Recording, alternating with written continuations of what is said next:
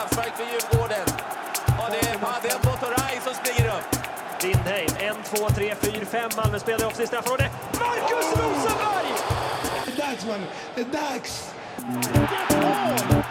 Zlatan Ibrahimovic!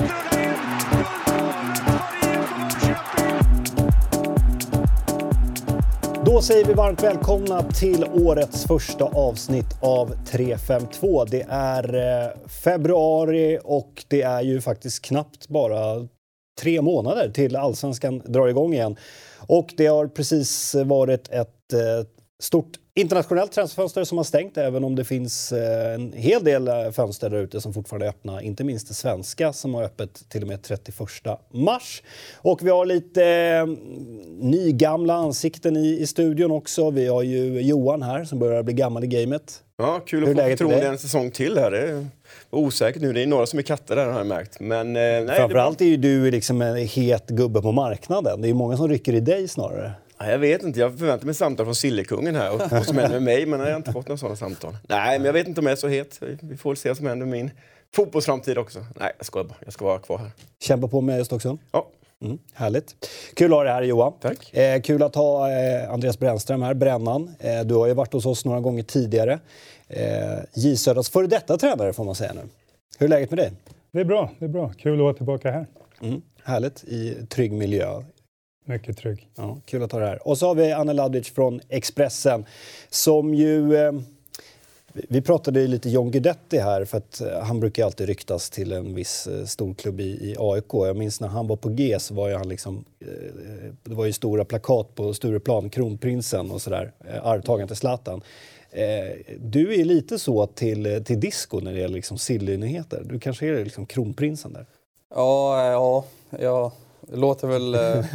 Eh, jag, jag lämnar den, eh, den frågan, eller jag passar över den till, eh, till de som läser och sådär så får de liksom bedöma själva. Men jag, det är kul, eh, jävligt kul med nyheter. Eh, man gillar ju pulsen. Eh, så att, eh, och disco är ju eh, fortfarande eh, bäst i gamet tycker jag. Så att, det är kul att kunna, kunna lära sig av honom också och sådär. Så får vi se hur det blir här Ja. fortsättningsvis. Ja, men jag tycker det är kul med det, Anna, för du, eh, vi har ju känt varandra ett tag och sådär. Eh, och liksom, inte gått sida vid sida, men vi har liksom eh, vandrat eh, de här eh, sportjournalistvägarna ungefär samtidigt. Eh, och du är ju, för att använda ett Johan-uttryck, en, en riktig gnuggare. Eh, alltså det, det, det, är mycket liksom, eh, det är mycket nyheter, det är mycket åka på, på matcher, kanske inte lika mycket nu då, på grund av pandemin, mycket träningar och, och sådär. Eh, därför tycker jag det ska bli eh, extra intressant att ha det här, liksom, ha lite mer eh, åsikter. Men det är, det är ett jäkla jobb du gör på Expressen måste jag säga. Ja, men jag tycker det är kul eh, att vara ute och träffa spelare, eh, träffa tränare och försöka vara den här personen som eh, spelarna och tränarna träffar ju varandra väldigt mycket men sen försöker jag alltid vara den här personen som de kanske träffar mest efter det. Att hela tiden försöka vara där och liksom snacka lite. Sen behöver inte allting handla om intervjuer men liksom bara känna på stämningen, se hur, hur liksom förberedelserna ser ut inför ett derby, inför en match och kunna komma med de infallsvinklarna till texter eller i, i något annat program och sådär. Så att det är, eh, det är kul och inspirerande faktiskt. Så att, jag ser fram emot att kunna, kunna ta med de bitarna in till träffen två och dela med mig av dem här också. Ja, det ser vi fram emot.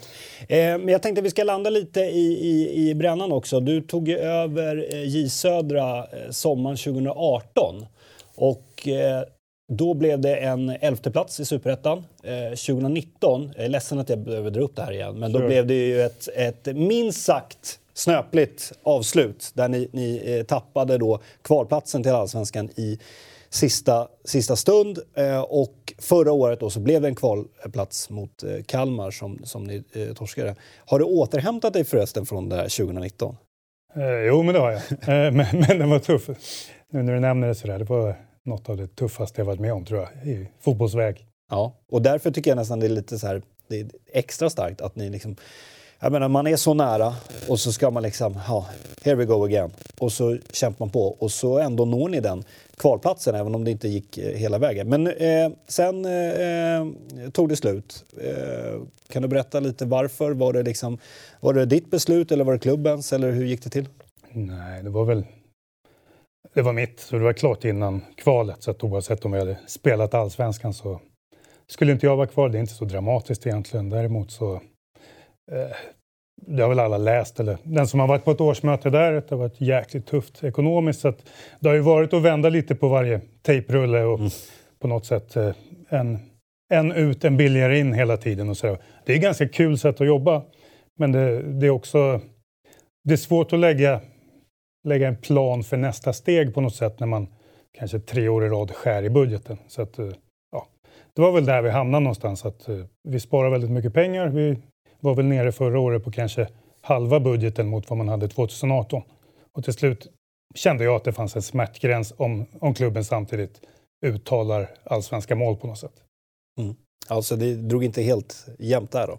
Ja, men utan att det blev någon jätte- jättedramatik. Utan jag tyckte liksom att är vi, nu har vi ja, på alla sätt och vis sparat väldigt mycket pengar under några år. Och då, ja, nu behöver vi hitta en annan väg.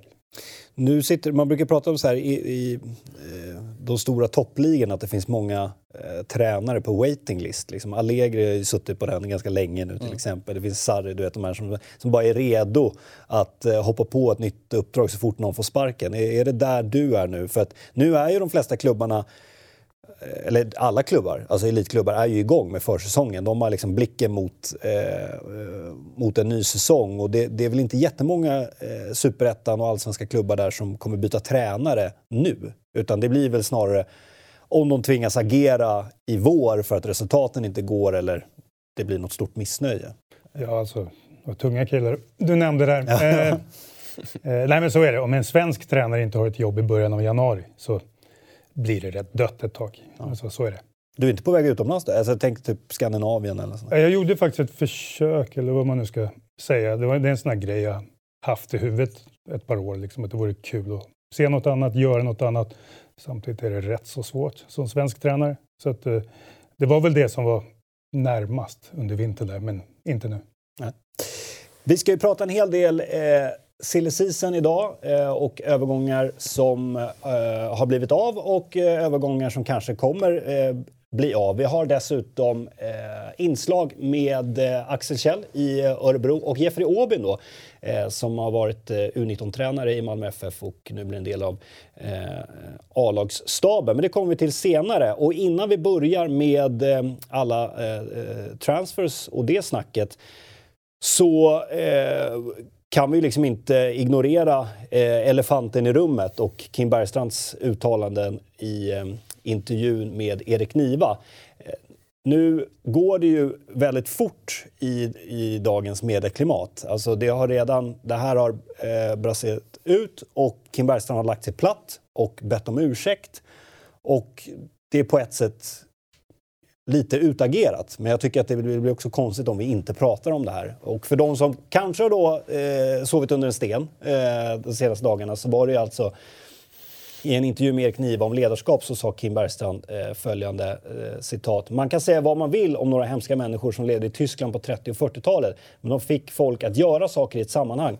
Metoder och sådant kan man diskutera men det finns säkert saker som de också gjorde som man kan ta lärdom av. Eller hur man inte ska göra. Men jag tror överallt Eh, jag tror att man överallt kan leta ledarskap. Slutcitat. Och efteråt så har Kim Wärstrand varit väldigt ångerfull. Djurgården har gått ut med pressmeddelande och i en intervju med eh, Fotbollskanalen så har Kim Bergstrand sagt att han eh, gjorde en väldigt olycklig referens i ett samtal om ledarskap. Den är extremt dum. Den ger inget mervärde. Den tillför inget positivt eh, i den långa intervjun med Erik Niva. Eh, det är väldigt olycklig, dum referens. Eh, jag har alltid byggt mitt sätt på att vara ledare och människa, medmänsklighet och humanism. Det här kommer ut helt åt andra hållet och får helt andra innebörder.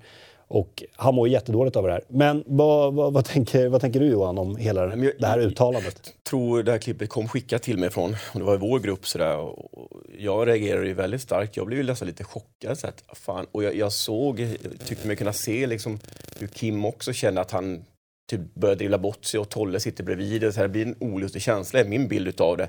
Och där någonstans hade väl jag tänkt att fan, nu måste någon bryta. Eller Kim bara säga, fan det här blir helt fel. Det vet inte jag spelet bakom kulisserna. Men det, det är väl självklart att det blir, det blir rubrik och det, det är ju så, så fruktansvärda saker som man associerar med till, till ledarskap på den tiden och de här hemska människorna. Eh, och sen tror inte jag att Kim har den liksom, synen på människor eller någonting sånt där. Det, det dementerar ju de hårt. Men, men just att de dribblar bort sig så, eller Kim dribblar bort sig så, det tyckte jag var väldigt förvånande att se i ett sånt sammanhang. Ja, att han hade den liksom top of mind, den referensen också. Det var, jag reagerade precis som du. och Man, man vart chockad och man, man, man, man hoppade till också som fan. Eh, men jag läste lite också igår, så här, Fotbollskanalen och deras rapportering. Jag tycker de gjorde det väldigt bra, eh, måste jag också säga faktiskt. Och, eh, en sån här grej, eh, jag tror ändå så här att eh, risken är att det kommer liksom följa med honom ett tag här då, Mm. och att han får liksom försöka tvätta bort den och jobba bort den. För det är väl lite så det funkar tyvärr idag. Liksom Ja, alltså jag, nu, nu kommer det inte vara någon publik på de eh, allsvenska arenorna eh, i alla fall till sommaren. Kanske inte under hela året, vi får väl se. Men hade det varit publik så är jag helt övertygad om att det hade varit banderoller mot Kim Bergström i vissa derbyn till exempel. Ja. Eh, och det hade säkert sjungits en del.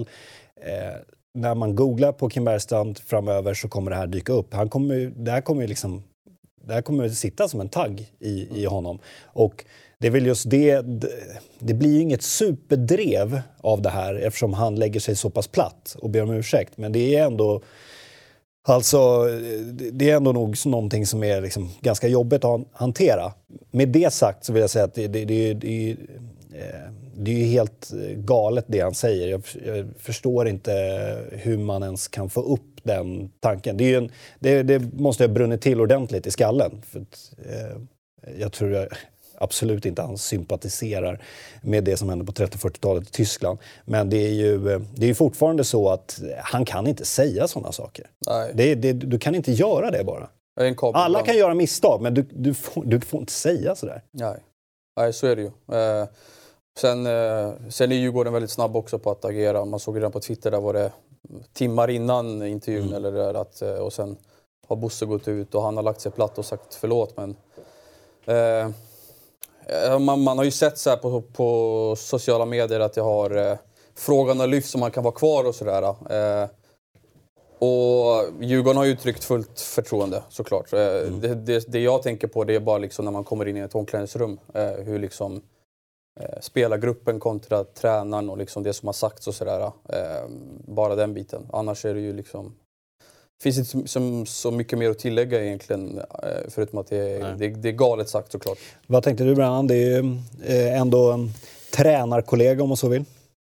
Ja, ni har väl sagt det mesta. Det är klart att det blev otroligt fel och det är inga... Det är inte en... Eh, ja, det var som han själv sa. Det är inte en dörr man ska öppna på något sätt. Och, eh, sen är det du är inne på att det blir väl spe- lite speciellt att komma till träningen. Det beror kanske lite på vad man har för relation till sina spelare sen tidigare. Men han får nog säga några välvalda ord där också. Mm.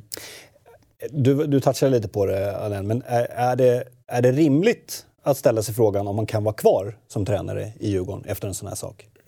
Eller är det att dra alldeles för stora växlar av ett sånt här uttalande? Jag tycker det är rimligt att den frågan kommer upp. Sen är väl jag inne på att alltså, det är en anställd person i, i Sverige som, och det finns ju arbetsgivaransvar också från klubb och styrelse. Kan man sparka någon på, på grund av en sån sak? Det är jag osäker på om facket skulle komma in och sånt där eh, utan att jag kan de sakerna utan innan. Men det har ju hänt när Ron Jansen, tränare som min, min bror har haft i Holland bland annat. Han åkte över till MLS och coachade ett lag där. Eh, Och där snappade han upp någon inspelning från omklädningsrummet där han eh, det är någon indianerreferens han drar som man inte får, alltså det är big no-no. Han rykte på, på dagen. Ja, det, det var ju någon... Eh, eh, jag minns inte exakt vem personen var, men i, i Fotbollskanalen så nämnde att hade han tränat ett lag i Tyskland, då hade han rykt. Och det är ju lite samma sak. Mm. Alltså drar du upp eh, en alltså, native americans indianreferens i USA och kanske i en, en stat som där det är extra känsligt. Det beror ju, alltså, Mm. det, det är olika känsligt. Det här är ju superkänsligt eh, i, i Europa inte minst och i, i Sverige såklart. Men det, det är, finns ju alltid liksom, det, det bränner ju till olika var man, var man är också. Men eh, jag, jag, tror också det. Alltså, hade han varit en tränare i ett tyskt lag, då tror jag kanske att han hade fått eh, att han har fått dojan. Sen tycker jag rent, jag vet inte vad det finns liksom för regler och, och vad man har för policy och sådär. Men eh, han, han, eh, han gör ett stort misstag här eh, och han ber om ursäkt direkt. Eh, det är liksom en gång eh, är ingen gång på, på något sätt. Skulle det här upprepa sig, då, då tror jag nog faktiskt att det skulle kunna bli en fråga. Mm. Eh, men det lär det nog inte göra. Nej, inte om man, hur man ska tolka eh, också eh, liksom uttalanden från Henke och du, Bosse där. Eh, de verkar liksom verkligen stå bakom honom och, och så. så att det känns ju ändå som att Mm. från, från, från Djurgårdens håll känns det här som ett liksom avslutat kapitel på något Ja. sätt. Att de har liksom gjort det de ska göra. Och, Ja, nej, det var, det var väldigt, väldigt eh, märkligt. Och precis som ni sa, när jag såg det här klippet, jag, jag trodde nästan inte att det var sant. Så, så sjukt var det. Alltså, jag tänkte att här, nu, nu har någon klippt ihop någonting här. Alltså lagt ihop något, alltså, det, här är, det här är liksom någon, någon skämtvideo som någon har klickat ihop på något konstigt sätt. Alltså jag kunde inte tro mina öron. Jag missade ju det först. Jag läste ju texten så såg jag att det inte fanns kvar där. Och sen, sen såg jag det via varit något Instagramkonto där liksom som blev viralt. Det var så man, Mm. man, man fick det skickat till sig. Man bara, vad fan är det här? Tänkte man ju. Ja, precis. Var, jag fick det också skickat i någon WhatsApp-grupp. Så att då är det lite så här... Och, då tänkte jag så här, nej men det här, det här måste vara ett skämt. Han kan inte ha sagt det här. Ja. Eh, så är det. Men eh, eh, därmed så eh, låter vi det vara eh, utagerat även i eh, 352 då och vi går vidare. Det var ju eh, som sagt deadline day för de stora internationella transferfönstren igår. Det finns ju en del eh, fönster som, eh, som är öppna. Eh, det ryska fönstret, det är inte jätteovanligt att eh, svenska spelare går dit. Det är öppet till 25 februari. Vi har Portugal öppet till 4 februari. Eh, vi har Norge 31 mars. Vi har ett MLS-fönster som är öppet in till våren och sådär. Eh, men Paulus Abraham blev ju klar eh, från AIK till Groningen. Enligt AIK då så landar nettoresultatet då på den här skalan som AIK alltid redovisar på eh, mellan 10 miljoner och 20 miljoner eh, kronor. Vad tänker eh, Anel om den övergången? Eh, en väldigt bra affär för AIKs del, får man väl ändå säga. Eh, för, kom från BP i fjol eh, som ung eh, och eh, jag tror att han kostade runt 900 000, något sånt där. Eh, säljs ett år senare för 25 miljoner kronor ungefär. Eh, sen ska ju BP ha eh, 20 procent eh, och sen eh, Sen kan jag, så som jag förstår det, så kan ju AIK få också eh, lite pengar om Groningen skulle sälja Abraham vidare då för över 25 miljoner kronor. Så att det kan ju trilla in lite pengar till där till, eh, till AIK, eh, vilket de nog tycker är bra.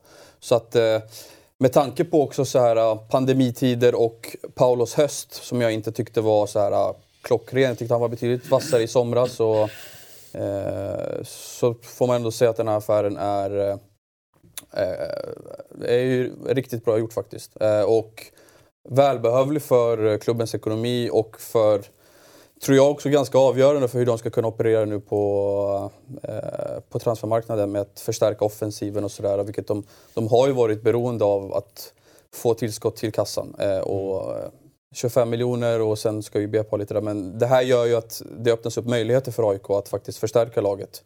Eh, framförallt offensivt då, som det behövs. Ja, alltså som, som affär så är det ju extremt... Vad, vad gjorde han? Fyra mål i Ja. Allsvenskan. Se- Sen Groningen köper ju hans potential, precis som AIK gjorde det. Eh, men ett år och så säljer man vidare för liksom 25 millar. Det är ju eh, superlyckat. Sen förstår jag de aik som gärna hade velat se, se honom kvar och blomma ut i AIK. Kanske, vad vet jag, eh, slåss om guld och skytteliga och sådär. Eh, så är det ju. Men det är ju väldigt, eh, väldigt eh, stora pengar till, till AIK. Vad, vad tänker du Brännan om det här? Blev du förvånad? Eller vad, vad tänkte du? Nej, men det är som du säger, då handlar man ju potential snarare än liksom färdiga spelare eller klassen.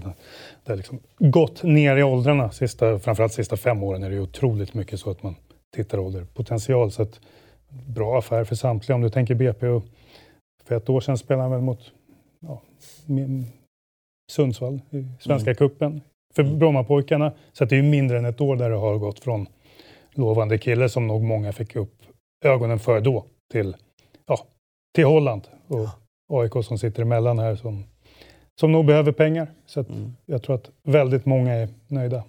Ja, vad Jag tror du att den här... eh, För mig är den inte så förvånad, för jag- fick redan höra när ryktesvägen när, när han kom till AIK, hans liksom, rådgivare, det nätverket som han jobbar med, att det blir nog bara kanske något år där. Sen är det dags att skicka vidare honom. Så jag tror det var planen från början för, för kanske Paulus och, och hans gäng som han jobbar med. Men jag tror att hans spelstil kommer passa utmärkt i, i holländsk fotboll med mycket man-man och han är lite av och sånt där. Så det blir nog en, en bra match. Sen är det ju så här, en ung spelare klarar av en flytt till ett annat land och allt det där. Men spelmässigt tror jag att han kommer passa bra in där. Ja, jag har inte stenkoll på hur, exakt hur Groningen spelar men vi känner ju till den holländska ligan och det låter ju som ett klokt val här. Ja, av, eh, nej, men av offensiv fotboll och ganska öppet och sådär. Och vilket, eh, nej, men det känns ju som att han... Eh, känns som en liga där han kan få mycket förtroende också. Eh, så att det kan nog falla väl ut tror jag också. Ja, sen har vi några andra eh, deadline day-övergångar eh, som ni ser här på skylten. Bland annat eh, Sadiko då, från Varberg till Genoa. Men eh, eh, det här är ju en ung spelare. Han säger själv att han ska ju först eh, till att börja med husera i Primavera-laget då, alltså U19-laget i, i Genoa. Men det är ju lite mäktigt. Sen har vi Axel Lindahl då som eh, den övergången avslöjades via Tinder va? Eh, för att han... eh, Andra det- gången nu. Ja, precis. Det, det är mycket som med eh, unga svenska eh, spelare som sticker till Norge direkt in på, på Tinder innan de fixar lägenhet. Eh, till, till succélaget då, Bodø Glimt. Och så har vi Besant Sabovic från Mjällby då. Eh, som, som gick från, från Djurgården till Mjällby, blev succé där, var på väg till Ungern. Och nu istället då eh, Kayserispor i Turkiet. Eh, vad var det som hände där? För jag trodde han var i princip klar för det här ungerska laget. Ja, nej, det har varit en ganska utdragen process. Jag minns att jag eh, skrev eh, strax innan nyår där, eller någon gång eh, innan, där mellandagen att Moll Fervar och gamla Videoton. Eh, Där Bojan var va? ja, precis. Och Martin Mutumba. Ja, Mutumba också. Ja. En eh, speciell eh, tid för dem båda. Ja. Eh, men att de var intresserade och att förhandlingar pågick de i Mjällby. Eh, sen eh, strax efter nyår så kom ju klubbarna överens eh, och så skulle ju Savovic resa ner till Budapest där eh, Fehervar har stora delar av sin organisation. De spelar ju inte i Budapest men eh, de, stora delar av liksom, tränarteamet och liksom, klubben håll, håller till där. Så han skulle resa ner dit, vilket han gjorde, skulle genomföra läkarundersökningar. Eh, och han var faktiskt nere i Budapest i tio dagar. Och vi gick bara, alltså, jag gick runt och väntade på honom, det, det kommer bli klart. Eh, Eh, och precis som eh, standardprocessen nu är väl att eh, spelarna tar ett coronatest. Och, vilket han gjorde där. Så att, som visade positivt, det som han fick av eh, Molferhevar.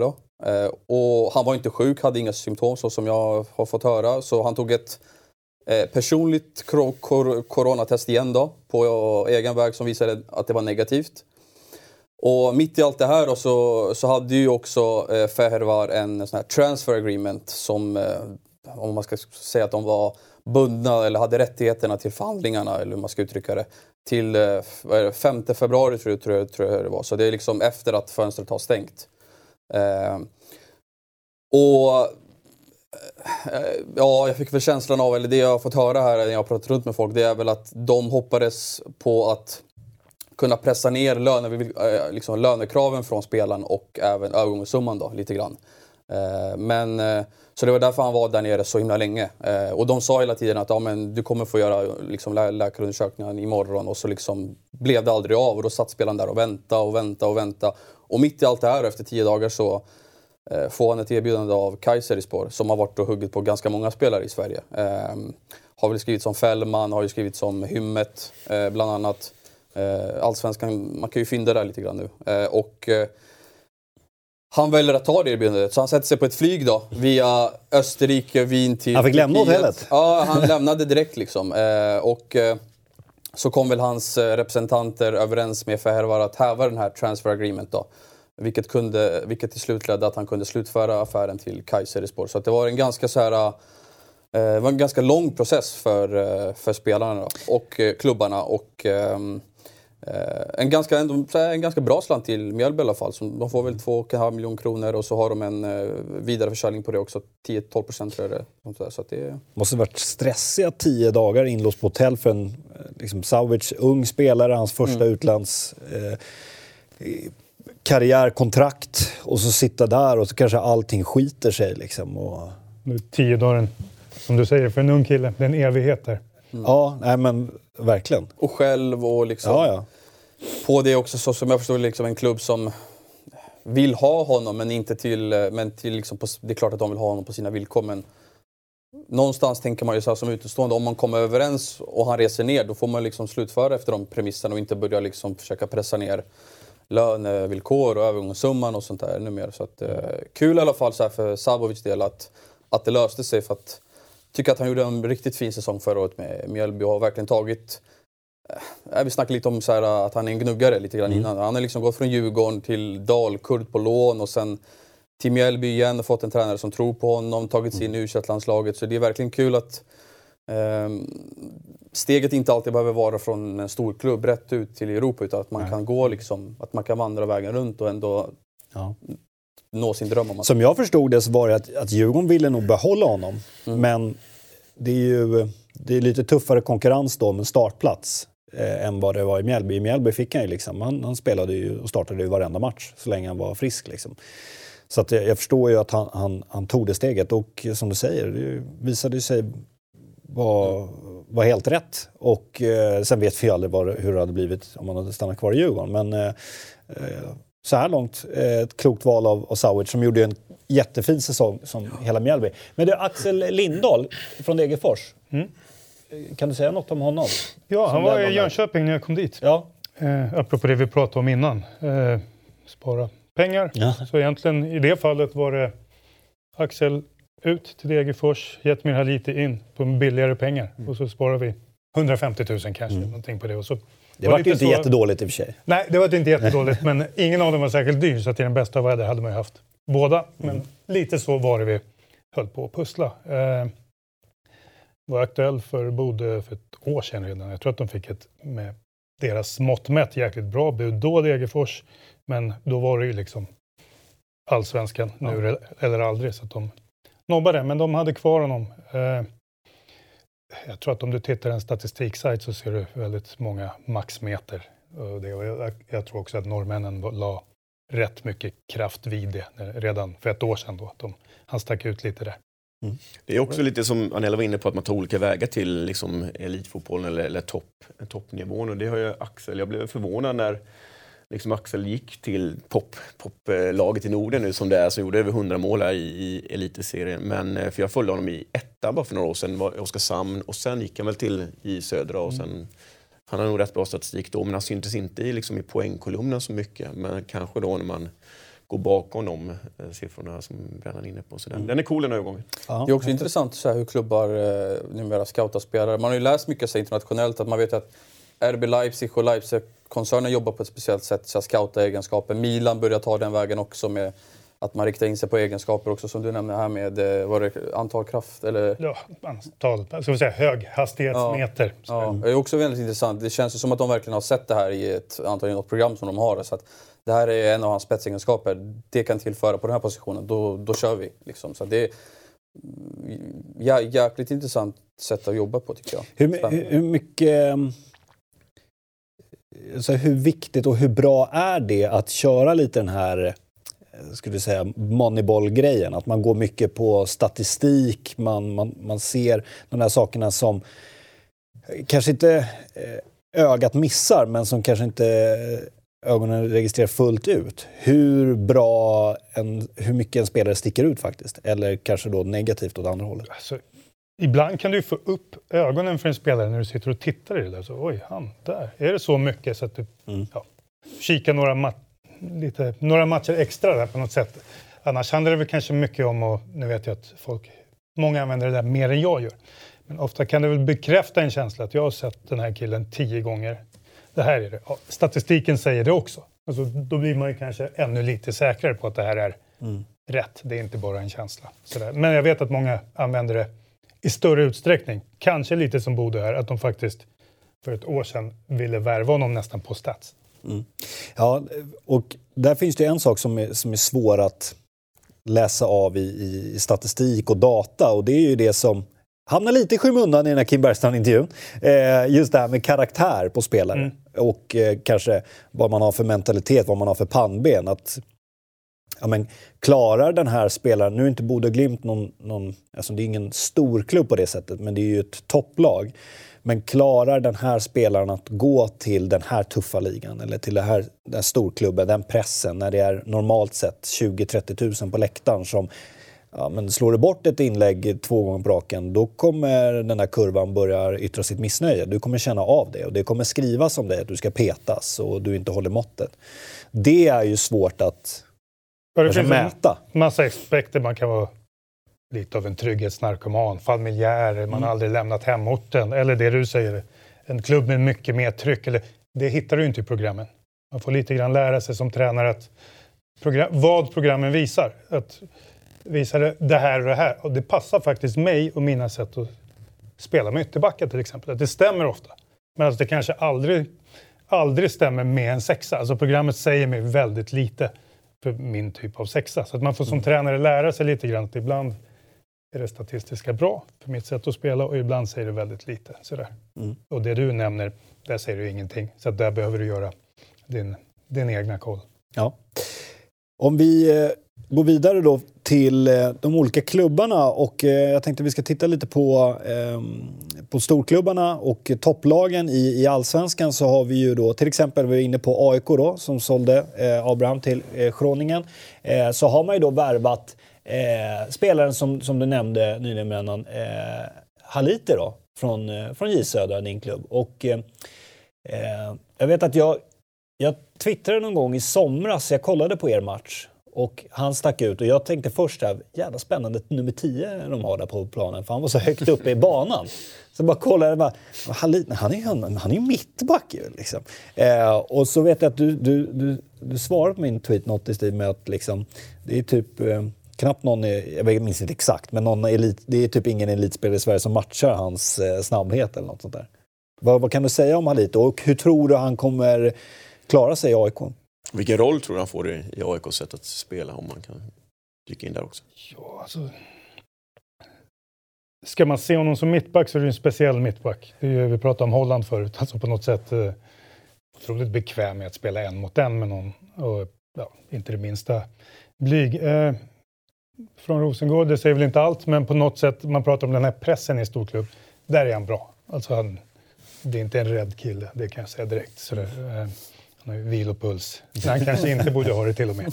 Men generellt i livet också. Ja. Eh, så att eh, det här är bra. Men han har ju liksom ja, är väldigt spetsig i sin snabbhet, så är det ju. Sen har han ju en, en teknik som är lätt att lura sig och tro att han ska få den för långt ifrån sig, men det får han ju aldrig. Alltså, utan han, han har ju koll. Så att, eh, jätteexplosiv spelare. Eh, och han ger ju ditt lag, om du spelar honom i en backlinje så blir du per automatik offensivt balanserat. Ofta pratar man ju om kanske någon offensiv position då, men skulle du ha fyra sådana där i en backlinje skulle det vara ett superoffensivt lag. Alltså på något sätt. Så att det är lite grann, jag kan inte säga hur de ska använda honom, det får väl de välja, men stoppar du honom som mittback så blir du ett lite mer offensivt lag, så kan man säga. Jag tycker han liknar lite grann eh, Jesper Nyholm när han kom fram med sitt sätt att spela som du har jobbat med också. Skulle du säga att det... Exakt, Mm. det är bra- jättebra liknelse. Eh, många likheter mellan dem. Eh, sen är ju Jetmir ännu lite spetsigare offensivt. Men, eh, så att, eh, men de har, Mm. de har liknande. Jesper gjorde väl rätt snabbt ett mål i Allsvenskan, där jag för mig, Ja. borta mot Elfsborg. Mm. Han egentligen följde hela vägen. Och de är ju lite så, båda de. Men så det här är en spelare som skulle kunna lira mittfältare också, eller? Ja, alltså jag hade en så här, som defensiv fältare på, på träning ibland. Och, Mm. ja, han var väl typ bäst. mm. också utan att såga någon annan här. Så, ja, Ja. Sen ser vi att det är en hel del spelare på utlistan här då, i, i AIK. Det är, det är många här eh, kontrakt som har löpt ut. Och sen ser vi till exempel talangfulle målvakten Samuel Brolin som går på lån till, eh, till Mjällby till exempel. Men annars är det ju, och det tycker jag man, man såg när Bartos tog över AIK, det var ganska tydligt vilken elva han ville köra. Och liksom så här, ja, men det, det är och jag tror att det är i princip den elvan vi kommer få se i AIK det här året. Sen kanske det ska in en forward, eller vad tror du Anne? Ja, absolut. Eh, Goitom, eh, ah, det är ju, skrivs ju väldigt mycket och eh, så här, kommer han orka? Men eh, han, det är klart att han pallar ett år till, men han kanske inte ska spela 30 matcher vecka ut och vecka in. Framförallt, nu vet man ju inte heller i och med pandemin hur spelschemat kommer se ut. Vi kanske också får ett sånt här tight och förmodligen kommer det vara ganska hårt matchande också april, maj innan EM och sådär. Så att eh, AIK behöver ju definitivt ta in en anfallare och det kommer man ju också Eh, man letar ju med ljus och lykta för fullt där. Men man måste träffa rätt i profilen också. Det ska, det ska ju vara en, eh, det, det ska ju vara en ung och utvecklingsbar som man kan sälja vidare. Eh, och där finns det ju också jag pratade tidigare om lite att de har haft det tufft ekonomiskt. Visst, Abraham-affären tillför ju pengar men eh, det ska också finnas lite externa finan liksom finansiärer som är beredda att hjälpa till där om det skulle krävas. Eh, så att eh, vi kan nog räkna med att AIK tar in en anfallare definitivt. Och, och framförallt också yttrar också tror jag. Mm. Ja, nu när Paulus har, för att det är en kantspelare. Det har ju ryktats lite Ja. Vem smyger? Är det min mygga som... Ja, den, Din bästa utläggning också. Ja, precis. Det fick ni med. Jag tyckte mig höra det i något program förra veckan. Ja, Tack. Är det den? Ja. Det är ganska bra. Men din liknelse, det är ju ja. två som de kom fram lite Det var samma när jag såg Jesper komma fram där. Eh, ja, och sen när jag såg honom. Man vi ser likadana ut. Båda har gjort några Säger du till Björn när vi kan köra? De börjar och sen följer upp det. Och, ja, mm. så att, ja, ja, vi rullar. Ja. Ja, då kör, jag, då kör vi så här då. Jo, just det. Eh, det, var, det har ju ryktats lite på ja, men, eh, sociala medier och forum att eh, en viss eh, Hossam Aiesh, apropå yttrar som du nämnde, eh, kan vara ja. på väg till AIK. Vad tror du om det? Eh, jag har frågat ut lite sådär och hört mig för och så som jag förstår så är det inte aktuellt att ta in Hossam Aiesh just nu. Eh, AIK var intresserade när han var i Östersund och skulle flytta. Eh, och då var det ju Göteborg och AIK och då gick han till Göteborg. Då var AIK intresserade. Men så som jag förstår det så verkar AIK inte ha som plan att försöka värva in honom. Utan eh, eh, ja, nej, han blev kvar i Göteborg tills vidare. Mm. AIK hade ju ett bud på, på tal om en ung, ung forward på eh, Nils Fröling i tror det var i lördags, som var skarpt bud där Kalmar ja. kör. Det är väl flera Stockholmsklubbar som har varit eh, ja, men, på men, honom där. Men detta var väl eh, liksom att Kalmar var nöjda med den pengen de erbjöds, men eh, där spelaren själv sa att nej, men jag tror på det här projektet. Alltså. Mm. Men det är många gånger Nils har sagt att han vill stanna nu. Mm. Mm. Förra året också. Att han... Ja, och det är väl bra på ett sätt, men nu går ju hans avtal ut i Kalmar. Eh, och Kalmar har sagt i alla år liksom, det är han vi ska sälja och få 10 mille för. Eller någonting sådär. Mm. Eh, och nu sjunker den summan för varje månad som går plus att han är skadedrabbad. Eh, så där kan man stå där på Bosman och inte få någonting för honom. Så nu måste ju Kalmar då försöka förlänga med honom och det är nog lättare sagt än gjort i det läget han befinner sig mm. Och spelaren själv sitter ju då i potentiellt en ganska bra sits att ja, men ny tränare då som han då uppenbart verkar tro på att han vill, därför han vill vara kvar kanske kan lyfta hans karriär. Mm. Kontraktet går ut, lättare att gå till en bättre klubb. Ja, och, och vill ju utomlands, så absolut. Så det kan vara bra för Nils och kan vara sämre för Kalmar. Ja, så kan det vara. Eh, vi ska gå vidare till eh, regerande mästarna Malmö FF. Och Eh, vi ska börja, vi ser ju här, eh, de har ju plockat in en hel del eh, unga spelare från egna leden. Malmö brukar ju vara ganska duktiga på det. det, det de växer ju som, som träd eh, där nere, de eh, stora talangerna.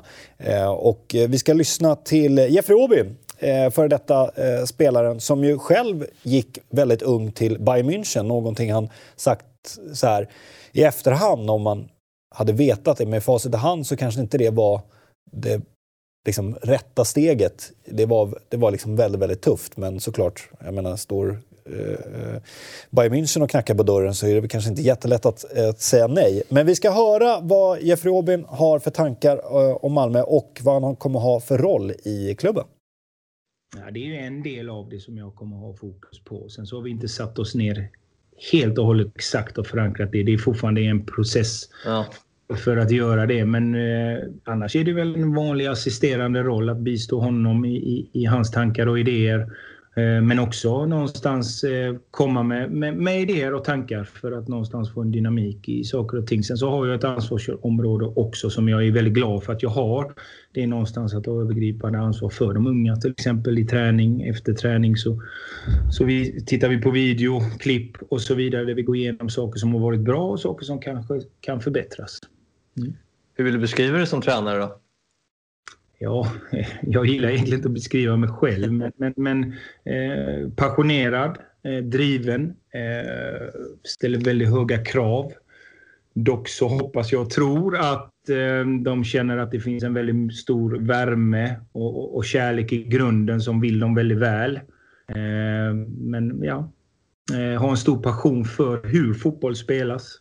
Ehm, och det, med det sagt så, så, så, tycker jag det är otroligt viktigt att vi vinner fotbollsmatcher och vi tränar utifrån att vi hela tiden har kontroll på vad som händer där ute utifrån egen skicklighet och inte utifrån riskminimering och så vidare. Hela intervjun med eh, Jeff Robin som Fabbe har gjort eh, kan ni se på, eh, på Dobb-TV om ni vill höra mer om hans tankar.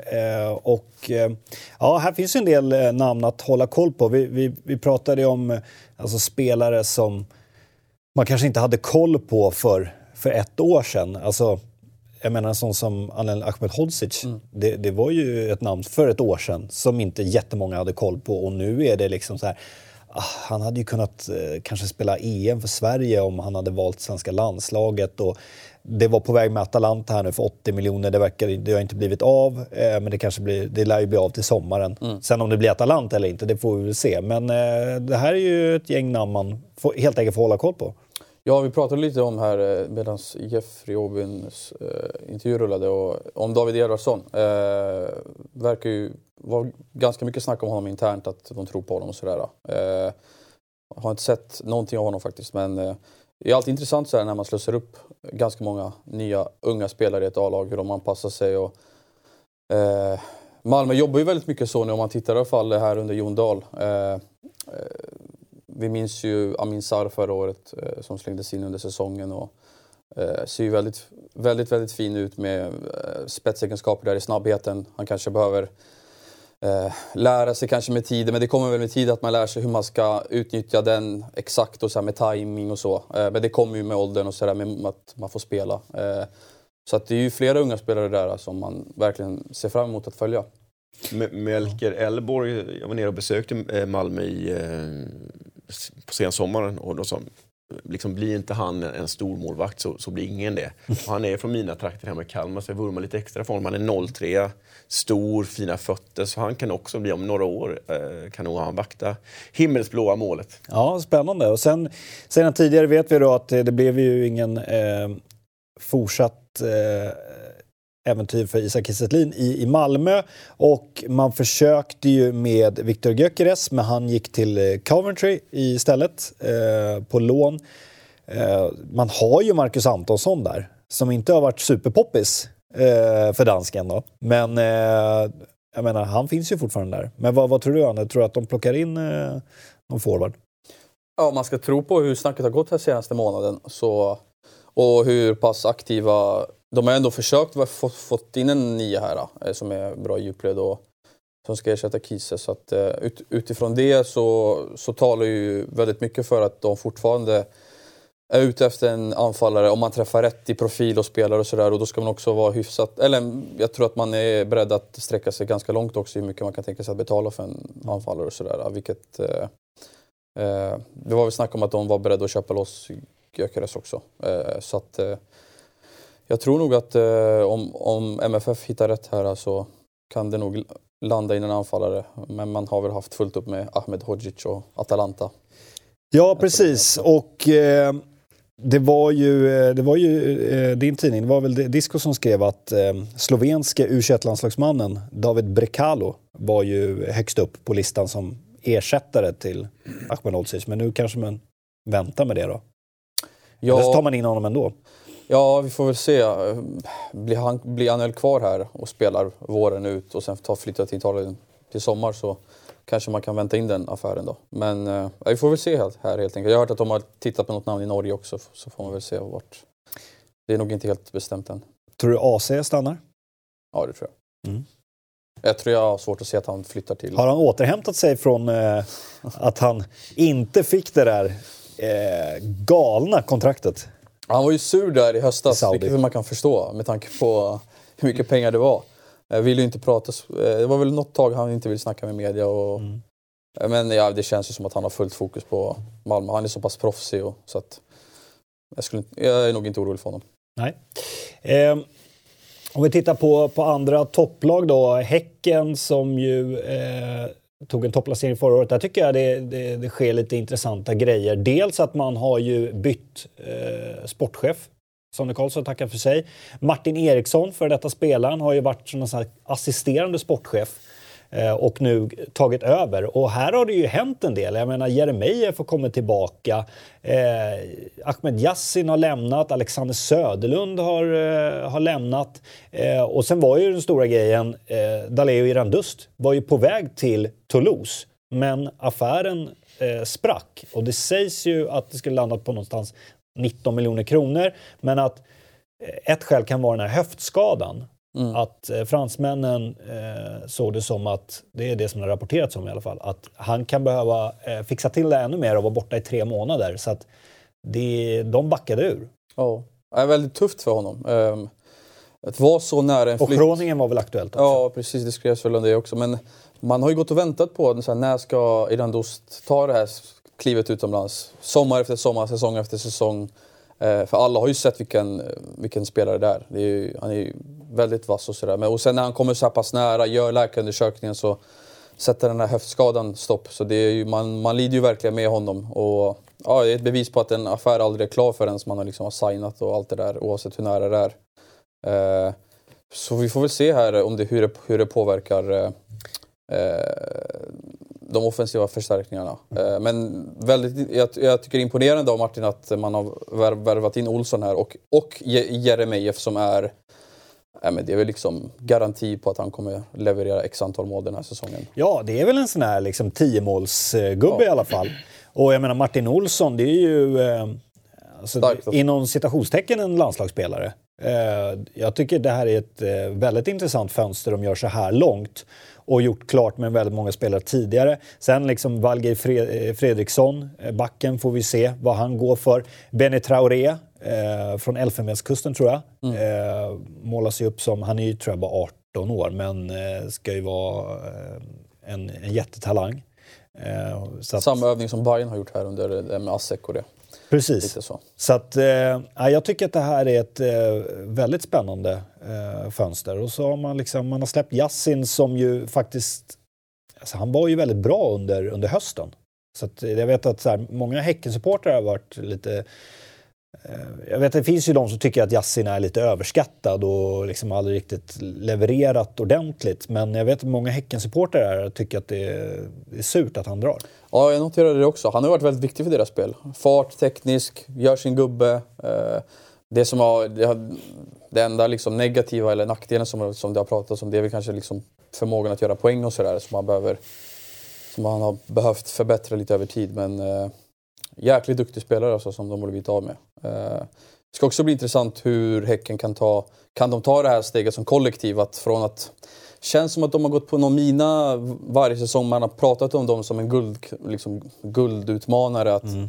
De har inte kanske klarat av att vinna de här stormatcherna på bortaplan. Kanske gått på någon mina hemma och sådär. Du vet, eh, de här viktiga guldmatcherna som, som MFF är så bra på att vinna. Eh, eh, ska bli intressant att se om de verkligen klarar av att ta det steget i år. Eh, men eh, kontinuiteten kanske talar för det med, med Alm och sådär. Och så har de fått in Martin och Alex. Ja. Sen är det en intressant grej vid, vid, vid sidan av då att Häcken tar ju över detta eh, uppsnackade eller omdiskuterade eh, Göteborg FC då, Kopparbergs Göteborg som ju gick ut och sa att de lägger ner verksamheten eh, som regerande svenska mästare i, i damallsvenskan. Eh, men sen vände det och Häcken hade en eh, omröstning bland medlemmarna och det var ju rungande ja. Det var ju klar majoritet ja, så att de eh, tar ju över eh, det här laget. Ja, nej, men galna hände galna saker händer ju i fotbollsbranschen och detta var ju, kom ju som en blick från klar himmel när man lägger ner liksom bästa laget i Sverige på damsidan. Eh, och någonstans tycker jag det är bra att man liksom kan satsa på bägge delarna i en, en stor klubb som då Häcken är i Göteborg. Och många andra klubbar nere i Malmö exempelvis startar igång med damverksamhet. Göteborg, jag vet inte om de är på gång att göra det också, men det är några Nej. klubbar som är det. Alla de här klassiska Göteborgsklubbarna har varit väldigt sena och med att starta upp mm. damlag.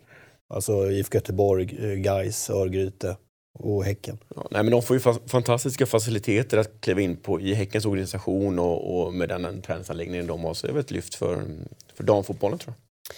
Det gick fort va? Alltså, Ja, det gick Från en dag till en annan kändes det som. Ja. jag har tränat en av de där tjejerna och så sa det pang och så la hon ut bilder med Häcken-träningskläderna. Och de, igång. De brukar inte komma på en dag såna här kläder utan Nej. det brukar vara en kamp att få in materialet. Så att det känns som man har i bakgrunden jobbat på det där ett tag. Ja, det kanske är så. Ehm, i, I övrigt då, vi har ju Hammarby som... Eh, jag tycker det, liksom, det finns lite eh, intressanta eh, projekt i alla de här topp storklubbarna. Med, med liksom vart de är på väg. Och Hammarby fortsätter ju trycka gasen i botten kan man ju minst Alla sagt Jesper säga. Jansson. När det, när det gäller, ja, speciellt sportchef Jesper Jansson, när det gäller värvningar då. Ehm, ut sa ju eh, Tibby Söderström, han har ju dragit till Portugal. Var, det var lite så här iskallt uttalande av Jesper Jansson. Det var liksom, nej men eh, Tim ville verkligen lämna och vi vill bara jobba med spelare som vill vara kvar i Hammarby, så han kan dra. Alltså det var lite sådär, ja det där kändes lite hårt eh, mot Tibby Söderström. Eh, junior eh, har ju lämnat, Hjalmar Ekdal har eh, bytt omklädningsrum eh, på Tele2 Arena till, till Djurgården. Men sen ser vi in då eh, David Ackham Mm. som har haft det lite tufft i MLS. Jag minns honom från Helsingborg som är ruskigt snabb och ett grymt avslut. Eh, jättespännande. Jesper Jansson känner till honom väl såklart. Eh, sen har vi Följesson som har kommit in och så Astrid Selmani. Mm. Det här är ju tre, på pappret i alla fall, tunga, tunga värvningar. Ja, faktiskt. Eh, och eh, det har ju kostat en del. Smakar det så kostar det. Inte minst i Selmani-fallet då. Eh, med övergångssumma och eh, arvode till eh, agenter och lön och, eh, och sådär. Eh, men eh, jag tycker att Astrid har haft en häftig resa. Väldigt inspirerande att liksom på två år, eh, vad var han? Han var väl division 1 södra för två år sedan. Eh, vi pratade om det innan också. Eh, kom till Varberg väldigt billigt eller vad det nu var. Från ton. Ja, från Torn där, exakt. Och den utväxlingen. Eh, spontant känns det som att det är en sån spelare som kommer passa in... Jag, jag, det, det känns som att han, eh, att han kommer passa in bra i sättet som Bayern spelar. Eh, inte bara liksom förmågan att göra mål och vara på rätt plats och sniffa till sig målchanser, men också jag tycker att man har saknat den här personligheten, karaktären i laget efter att Nikola Djurdjic lämnade. Och förhoppningsvis kan han kanske addera eh, de egenskaperna till, till den här startelvan. Eh, och, och liksom försöka... Det är på något sätt en ledare i mina ögon, eh, på sättet han var i Varberg. Sen får man hoppas att han klarar av att ta samma plats i Bayern som han gjorde där. Då. Eh, och tycker också så här, eh, om man tittar tillbaka eh, hur det har sett ut i Hammarby defensivt. De har ju faktiskt här, de har ju släppt in på tok för mycket mål genom säsongerna. Eh, det, har ju, det har varit väldigt tydligt. Och att få in Fjolesson där tycker jag är, eh, är väldigt, väldigt bra. Eh, förmodligen kan han vara den ledaren som det här mittförsvaret har saknat kanske efter Björn Paulsen som har varit lite så här, i alla fall utåt sett, eh, den här eh, härföraren defensivt då. Eh, spelat på konstgräs tidigare, det ska man väl inte underskatta heller. Så att, jag tror att han kan passa in bra där med Fenger eller Magyar. Fällman verkar ju vara på väg ut. Så det imponerar. Och sen Ackham också som är, så som jag förstår det, väldigt fördelaktiga villkor. Lån plus köpoption. Han verkar gå ner, i- eller han går ner i lön och eh, de betalar i stort sett in, liksom ingenting här. Eh, det är prestationsbaserat och sådär. Så att jag fattar ju varför Jansson tar den här möjligheten. Det, det var väl som, så som han själv uttryckte det. Det var lite för bra för att tacka nej till. Och då, ja, men liksom, om det inte påverkar böckerna eh, under ett pandemiår eh, så är det ju helt rätt att ta den chansen också. Eh, så att, Man sa ju det här förra året eh, också, men med de här värvningarna och med den truppen Hammarby har så tycker i alla fall jag de ska slåss med Malmö om guldet. Det tycker jag också och nu kan han ju börja kanske försvarsspel lite högre upp med två stycken galna pressspelare i form av Ludvigsson och Selmani som jagar livet ur en- backlinje som kanske inte tidigare forwards gjort. Och det är intressant att se var de lägger Paulinho och om han ska stanna kvar och allt sånt där. Men det tycker jag definitivt att man kan nämna dem återigen som en, en, en guldkandidat även om jag tror att tråkigt nog att Malmö kommer dra hem detta med 15 poäng. Men, men det är klart att de ska göra mycket, mycket bättre säs- säsong 2021 än vad de gjorde 2020. Selmani känns ju lite som den här saknade Djurdjic typen på något sätt. Även om man kanske ännu mer nia ses som det. På något sätt. Så lite, ja, och det du är inne på att man ja, komma till storklubb, det är andra krav och sådär. Han, han ingår ju i samma gäng. Han är ju kompis med Haliti. Erdal Rakip i Malmö. De är ju ett gäng där som har spelat fotboll tusen timmar ihop. Och de är rätt hårda i huvudet de där grabbarna. Mm. Ja, nej, jag tror absolut att Selmani kommer... Alltså så länge Hammarby som lag funkar så kommer det bli en eh, succé med Selmani. Så får vi se vad, vad David Eckham, vad det för liksom, tryck i honom. Ja, eh, han man kan har inte sett honom på på- ett tag. Han kan ju spela, ja han har ju precis som du säger, han har ju haft det ganska tufft borta i USA. Han vill inte så här, öst in poäng och spelat så här fullt regelbundet och sådär. Men eh, han, skönt för honom tror jag att han kommer i, i... Nu är inte han på plats än i Sverige tror jag. Men när han väl kommer, han kommer landa in här i februari, då har han faktiskt god tid på sig att komma upp i form till, eh, till allsvenskan. Så får man väl se hur han är i, när Svenska cupen börjar och sådär. Men, men eh, ja, det är en spelare som kan spela på i princip alla offensiva positioner. Mm, som tia ut, ute till vänster, som, som nia också kan jag tänka mig ifall det skulle eh, knipa och sådär. Så att, ska bli väldigt spännande. Sen också, jag tycker det är intressant att de, får, eh, att de tar upp Michael Lahto här också. Eh, man har ju pratat väldigt mycket i Bayern om att man eh, behöver få upp mer, liksom fler egna produkter.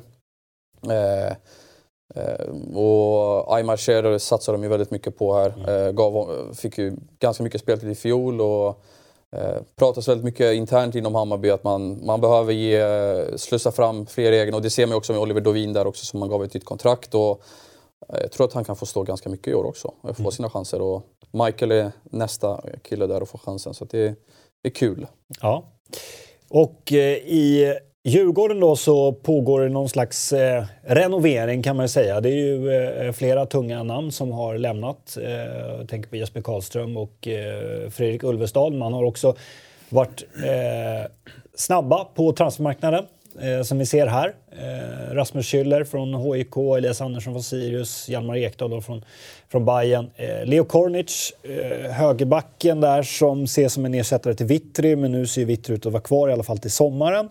Eh, gjorde en bra match här mot eh, Akropolis. Eh, men eh, ja, eh, eh, Djurgården gjorde ju en, en bra insats där. Men det är svårt att dra vilka, alltså, vad för växlar ska man dra av en sån insats? Men han, han gjorde det väldigt bra där. Isak Hien då, eh, som har kommit in från Vasalund, som man tror mycket på. Men eh, den, det nyförvärv som sticker ut lite här, det är ändå Albion eh, Ademi från eh, IFK Mariehamn. Mm. Vad var det deras sportchef eller ordförande sa? Det är 50 klubbar som har slutat efter honom. Ja. Något sånt där.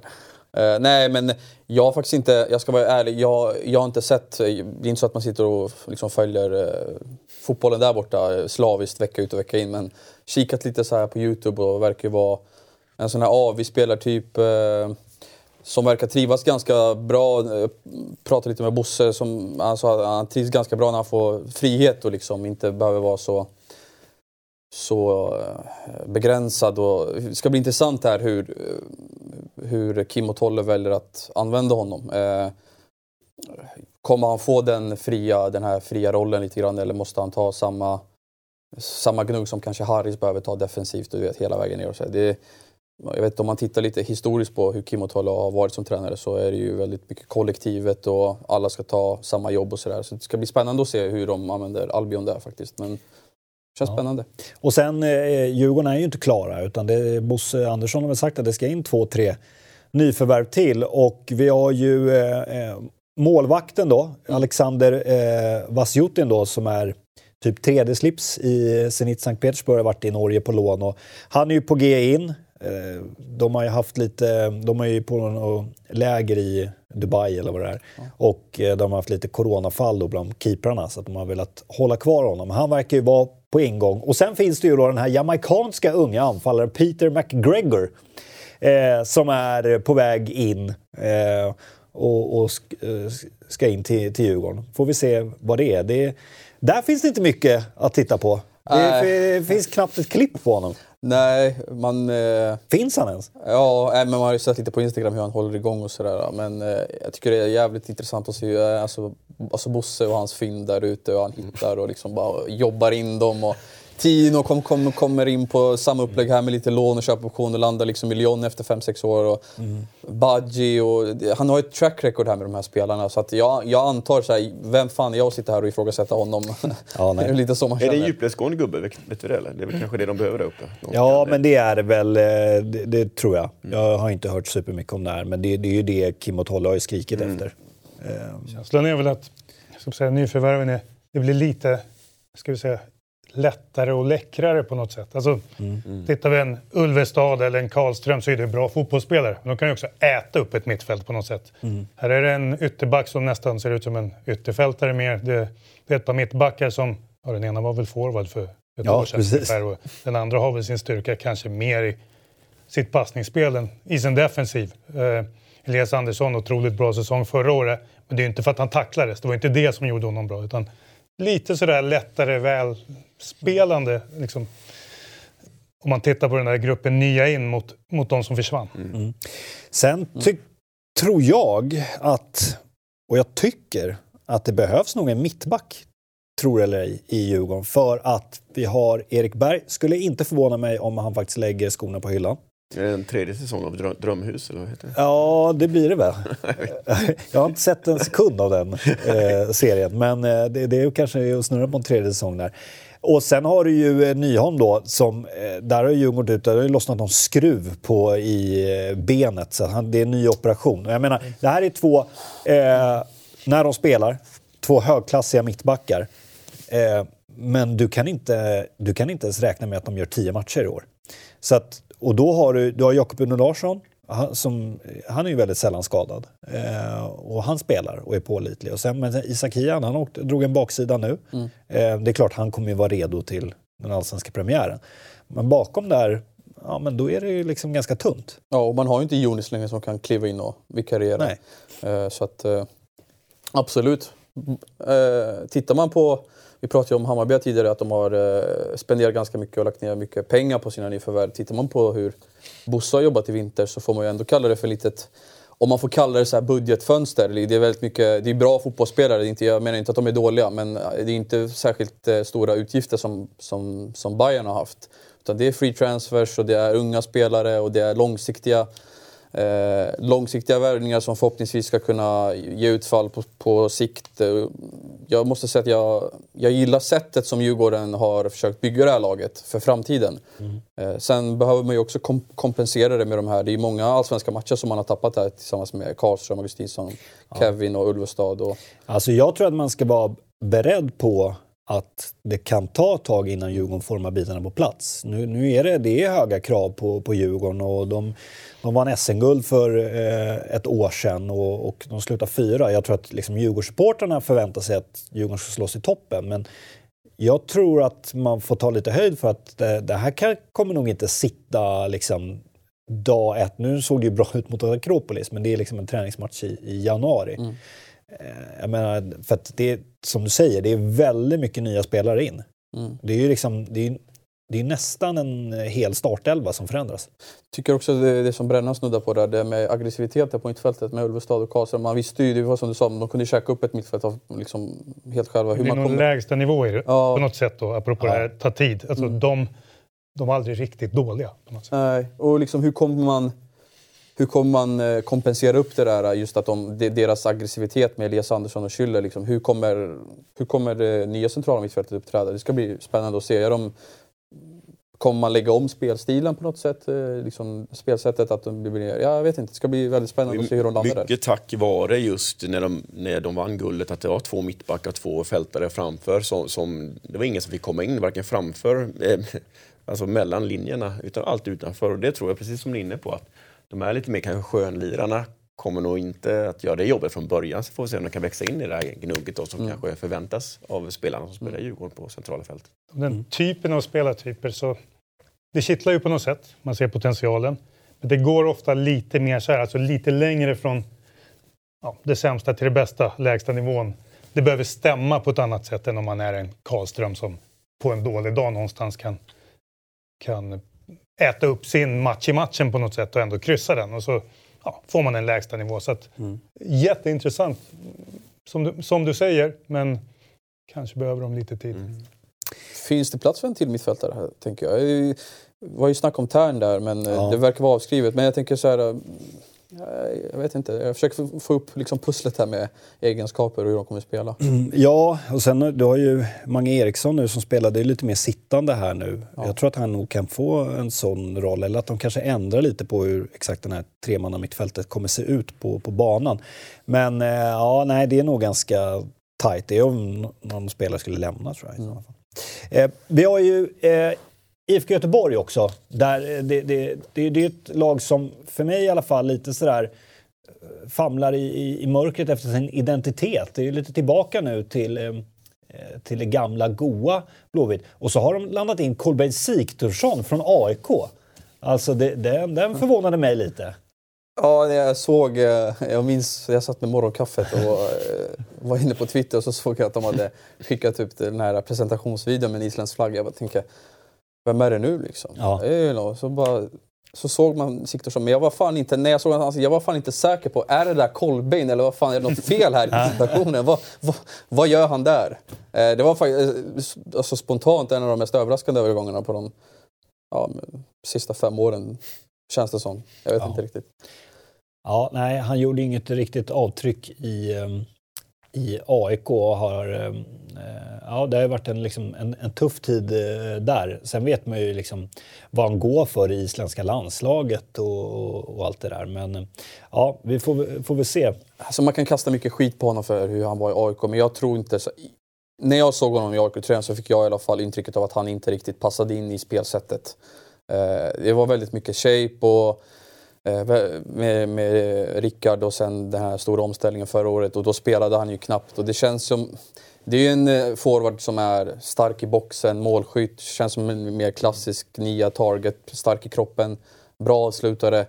Eh, spontant känns det ju så här som att de har ju väldigt mycket att jobba med där för att få upp honom i form. Men jag tror att han passar bättre in i Rolles fotboll än vad han har gjort i AIKs sätt att spela de här åren han har varit där. Så att, det, det, det, det är i alla fall min känsla. Sen blir det säkert en utmaning att få honom att prestera också. Ja. Sen eh, ryktas det ju då om eh, Marksberg och eh, Wendt då. Och, och så har man dessutom då Håkan Mild som ny klubbdirektör. Max Markusson out. Ja, väldigt... Eh, det är svårt att landa i någon analys här med Göteborg. Eh, om man bara tittar hur det har sett ut. Det har hänt en del men sen det är lite var aktuell för dem va? Det är lite oklart vart de är på väg liksom. Ja, det är ut med allt man påbörjade där med Poja eh, de, de åren han var där och det spelsättet och så bara skickar man ut honom. Och så har man ställt om här med Rolle och så har de här hemvändarna kommit tillbaka och det här unga, nya Göteborg som det har pratats om, det är ju som bortblåst. Det är ju, nu är det ju, ja, ut, utan att titta på fakta här, men snittåldern har väl ökat ganska mycket. Jag tror det var från 21 till 33 eller Ja. sådär. Lite överdrivet men ungefär så. ja, Lite kul, jag var här för ganska länge sedan och då pratade vi hemvändare till Göteborg? Frågetecken. Ja. Jag tror att vi landade i att eh, om Wendt och Berg vill hem så tar de. Mm. De spelar på en hög nivå och det. Och var väldigt skeptisk till övriga.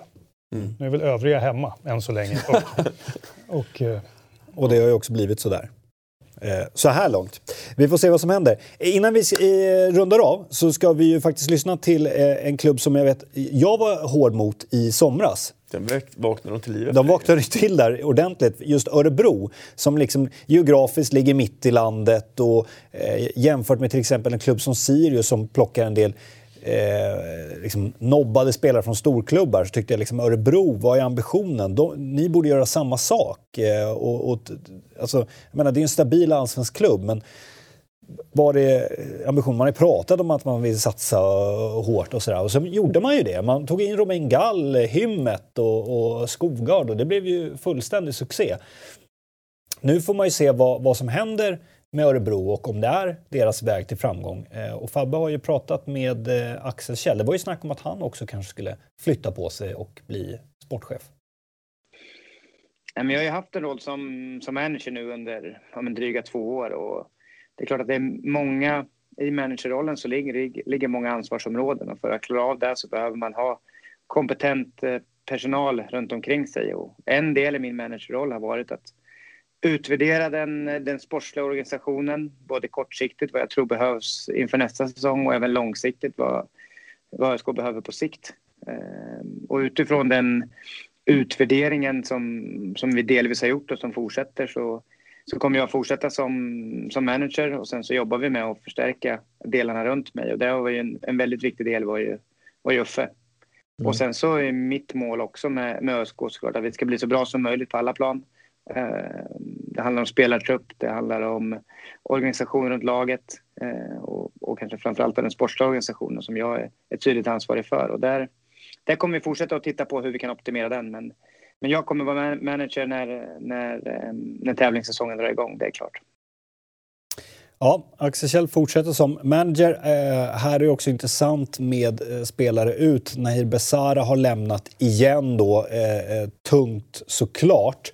Eh, men jag tänkte just, just den här managerrollen i Sverige. Som jag minns det så är det sällan att det, den lyckas särskilt väl. För det, det, blir liksom... Om man ser managerrollen utomlands i de stora ligorna så har ju de såna enorma staber runt omkring sig. Men en managerroll i, i Sverige, alltså det, det, kan ju lyckas såklart, men det blir väldigt mycket för den personen att jobba med. Det blir extremt mycket. Sitter du som tränare och ser en sportchef jobba samtidigt, då är ju mycket som tränare. Det är ju inget 8 till 4 jobb direkt eh, och det finns inga helger och röda dagar och så. Så tittar du på sportchefen så jobbar han också extremt mycket så ska du liksom packa ihop det där till en roll. Eh, en gammal klassisk manager. Man tänker sig Ferguson, han kunde ju mm. sitta kvar inne på kontoret och så... Knappt gå ut på träningen. Exakt, eller gå dit och inspektera i en halvtimme på träningen innan han går in igen. Alltså, här gör man ju... Den svenska modellen är lite att verkligen vara tränare och sportchef. Ja, den är massiv. Ja. Du, jag tänkte innan vi eh, stänger dagens avsnitt, eh, lite kort bara. Eh, Halmstad och Degerfors mm. som kommer upp i, i allsvenskan. Hur tror du de kommer klara sig? Halmstad eh, var ju kanske det man tänker sig ett klassiskt Halmstad. Alltså, det, här, det finns vissa saker i fotboll som, som alla gör och är ganska basic. Du flyttar ditt lag snabbt, håller ihop, vill ha kort mellan lagdelar. Och jag skulle säga att de vann superettan på högst lägsta nivå. Alltså man gjorde det här vecka ut och vecka in. Det, det låter tråkigt, men det är inte det jag menar. Men man hade inget superfacit mot de andra topplagen eller mot han tog väl en poäng mot Akropolis och mm. nu lyckades man visserligen råna Degerfors på en match men rörde man slog oss när vi hade en utvisning och vi vann den alltså, Men man var otroligt bra på att klippa den där nedre halvan varje vecka liksom på, på samma sätt. Så att de där brukar klara sig ganska bra första säsongen i Allsvenskan på någon form av liksom, hög lägsta nivå. Man vet vad man håller på med. Det, eh, Degerfors är lite mer, ska man säga, högre högsta nivå och liksom välspelande lag med, tycker de prickar väldigt rätt i liksom spelartyper. Vi pratade om Axel förut, men många sådana typer som passar bra i Degerfors, i deras sätt att spela. Så att, eh, mer av ett bollförande lag och ett liksom, ska vi säga, ganska charmigt lag. Eh, eh, men där finns det ofta lite, lite högre ska man säga, fallhöjd på något sätt, att det behöver stämma för dem. För Halmstad behöver inte stämma på samma sätt, Nej. utan man vet vad man får vecka ut och vecka in. Mm. Ska jag säga det också? Ja, eh, här fick jag meddelande i mobilen att vi skulle runda av med Stuart Baxter. Jag tänkte faktiskt ta upp den. Eh, men, men eh, så eh, började vi prata vidare om annat. Det var ju så Stuart Baxter som ju är, är tränare för ett lag i Indien. Han eh, uttalade sig, apropå klumpiga uttalanden då, han sa ju att, som ni ser här på citatet då, eh, jag tyckte att vi förtjänade en straff. Nu för tiden måste en spelare bli våldtagen för att få en straffspark. Det här sa han, och det här var ju något som klubben gick ut och fördömde eh, extremt och sa det här är liksom, så här kan man inte säga, det här är, liksom, det här är inte okej, det är absolut ingenting vi står för. Nu har man kickat honom.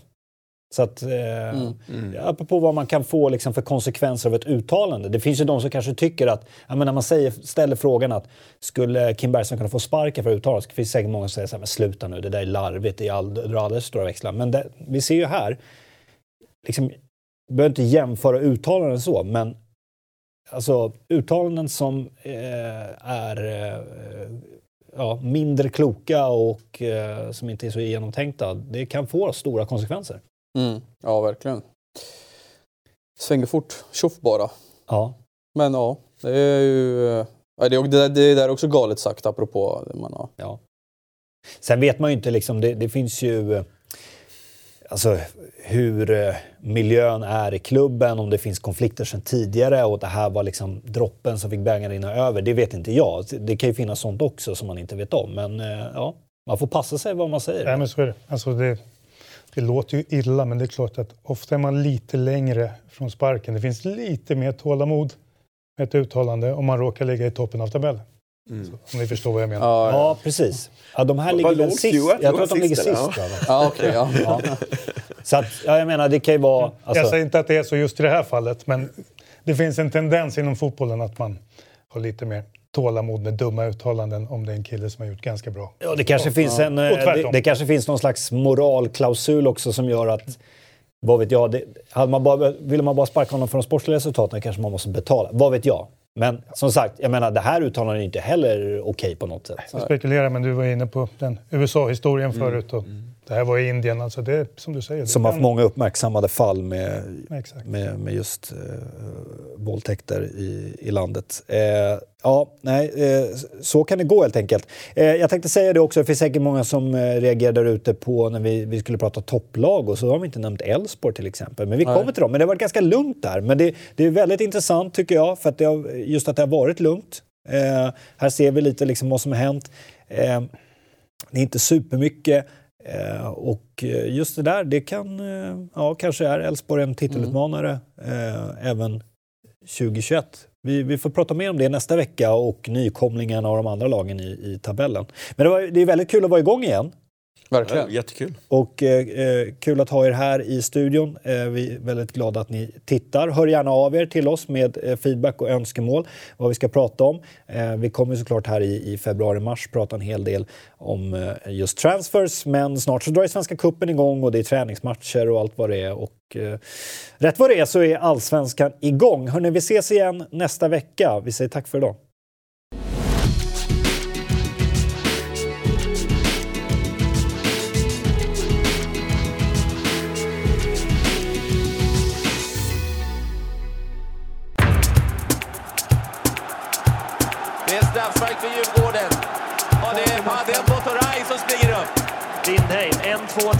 3, 4, 5 Malmö-spelare också i straffområdet. Marcus Rosenberg! Det är dags mannen. Det är dags! Zlatan Ibrahimovic!